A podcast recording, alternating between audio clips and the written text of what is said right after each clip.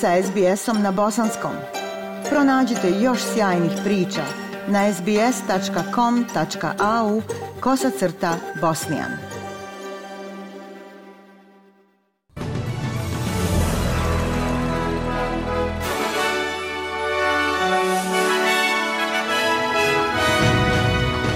U današnjim vijestima poslušajte. Premijer Albaneze ističe referendumsko izjašnjavanje o glasu starosjedilaca parlamentu.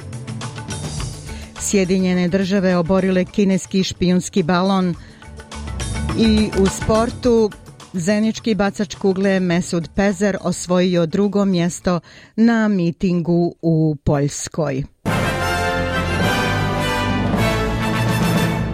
Slušate vijesti SBS radija na bosanskom jeziku. Premijer Anthony Albanese pozvaje Australce da ignorišu dezinformacije o prijedlogu glasa parlamentu starosjedilačkog naroda i da donesu odluku da ga podrže. Uoči povratka rada Saveznog parlamenta, gospodin Albanese održao je danas veliki govor na konferenciji u Kamberi. Osvrnuo se na uspješni referendum iz 67. kada je 90% Australaca Australaca glasalo za uklanjanje odredbe iz Ustava u kojoj je pisalo da starosjedioci neće biti uključeni u popis stanovništva. Kaže da će 56 godina kasnije nova generacija Australaca imati priliku biti bolja i dodati nešto u Ustav. If not now, Ako ne sada, kada? Šest godina nakon Uluru izjave iz srca, 56 godina nakon referenduma 67. 122 godine nakon federacije. Ako ne sada, kada? Referendum 2023. odnosi se na dvije stvari, priznanje i konsultacije. U toku je operacija prikupljanja ostataka kineskog špijunskog balona oborenog kod američke obale Južne Karoline.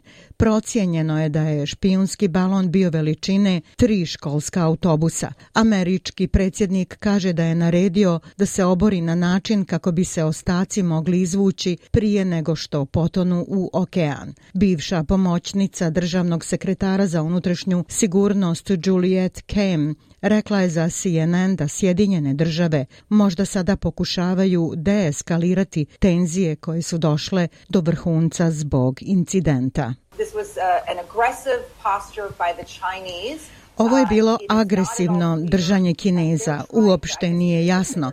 Recite to ovako, oni pokušavaju da deeskaliraju. Trebali smo ih pustiti da to deeskaliraju jer će odnosi Sjedinjenih američkih država i Kine imati puno teških trenutaka. Na Sjedinjenim državama je obaveza da osiguraju da se ti teški trenuci, ono što vojska naziva kinetičkom akcijom, ne dogode na tlu Sjedinjenih država. Ministar zdravstva Mark Butler kaže da je povećanje popusta za Medicare na procjeni, dok Savezna vlada pokušava riješiti probleme u australskom zdravstvenom sistemu. Ministar je rekao za Sky News da je iznenađen kritikama Australskog medicinskog udruženja na ovo sedmične najave Medicare laburista, čiji je podpredsjednik bio član radne grupe koja je napravila izvještaj na kojem su objave zasnovane. On kaže da vlada razmatra sve dostupne opcije za poboljšanje zdravstvene zaštite i da će se mjere odraziti u sljedećem federalnom budžetu. Rekao sam da promjene za popuste nisu izvan razmatranja. Naravno, pristupačnost je bila veliki pritisak o kojoj smo diskutovali. Rekao sam da ne možete samo staviti više novca u postojeće sisteme. Oni ne odražavaju današnje potrebe Australaca. Mislim da sve zdravstvene grupe koje su učestvovale u radnoj grupi to prepoznaju. Vlada Novog Južnog Velsa nudi 250 dolara domaćinstvima da provjere koji im dobavljač energije daje najbolju ponudu. Inicijativa je veliko obećanje u oči izbora sljedećeg mjeseca. Od 1. jula porodice i pojedinci koji koriste web stranicu Service New South Wales da provjere da li je cijena njihove energetske kompanije konkurentna, primit će jednokratnu uplatu od 250 dolara koju mogu koristiti za svoj svoje račune za plin i struju. Državni premijer Perotej kaže da očekuje da će oko 2 miliona korisnika prihvatiti ponudu, a poticaj bi olakšao domaćinstvima da mijenjaju dobavljače i rješavaju rastuće troškove života. Mogli biste uštedjeti samo na prebacivanju čak i bez onih 250 dolara do 400 dolara. Web stranica Service New South Wales uključuje besplatnu uslugu koja upoređuje usluge električne energije i plina za domaćinstva i mala preduzeća. Australski univerziteti se pripremaju za novu akademsku godinu sa hiljadama inostranih studenata koji se vraćaju u Australiju.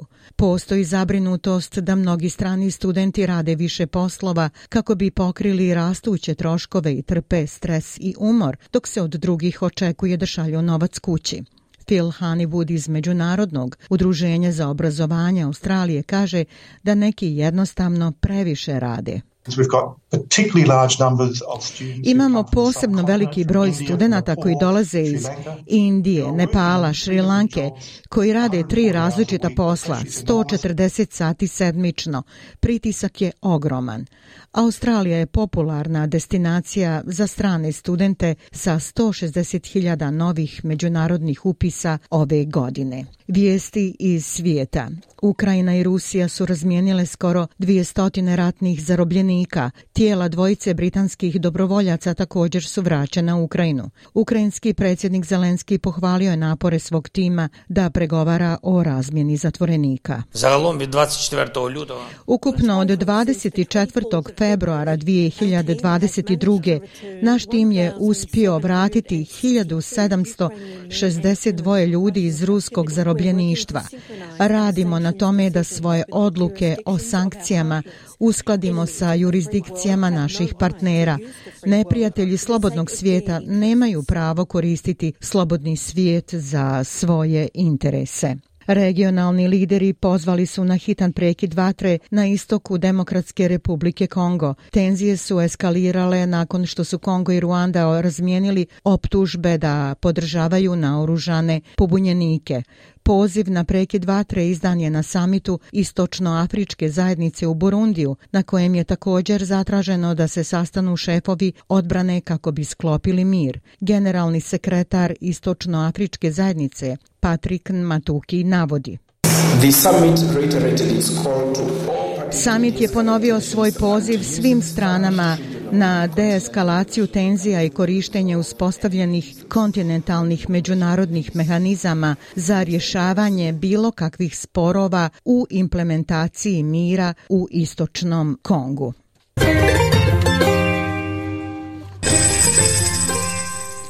Prema kursnoj listi, australski dolar danas vrijedi 0,69 američkog dolara, 0,64 eura, 0,57 britanske funte te 1,25 bosanske konvertibilne marke.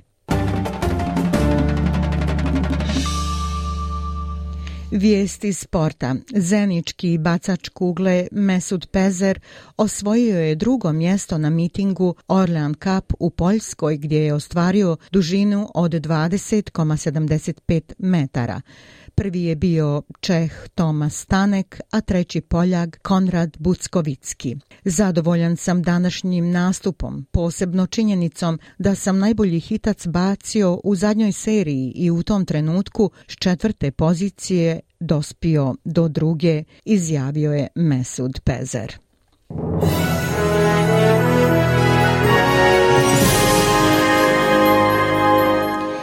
I na kraju vijesti poslušajte temperaturne vrijednosti za veće gradove u Australiji.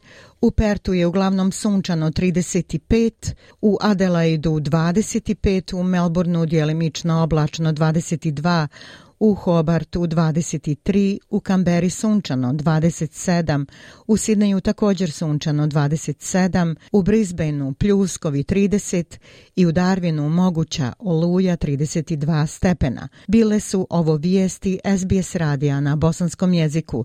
Ja sam Aisha Hadži Ahmetović. Ostanite i dalje s nama.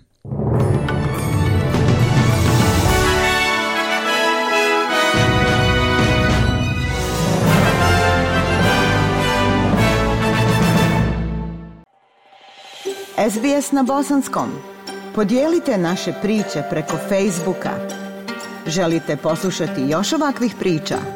Slušajte preko Apple podcasta, Google podcasta, Spotify ili kako god da primate svoje podcastove.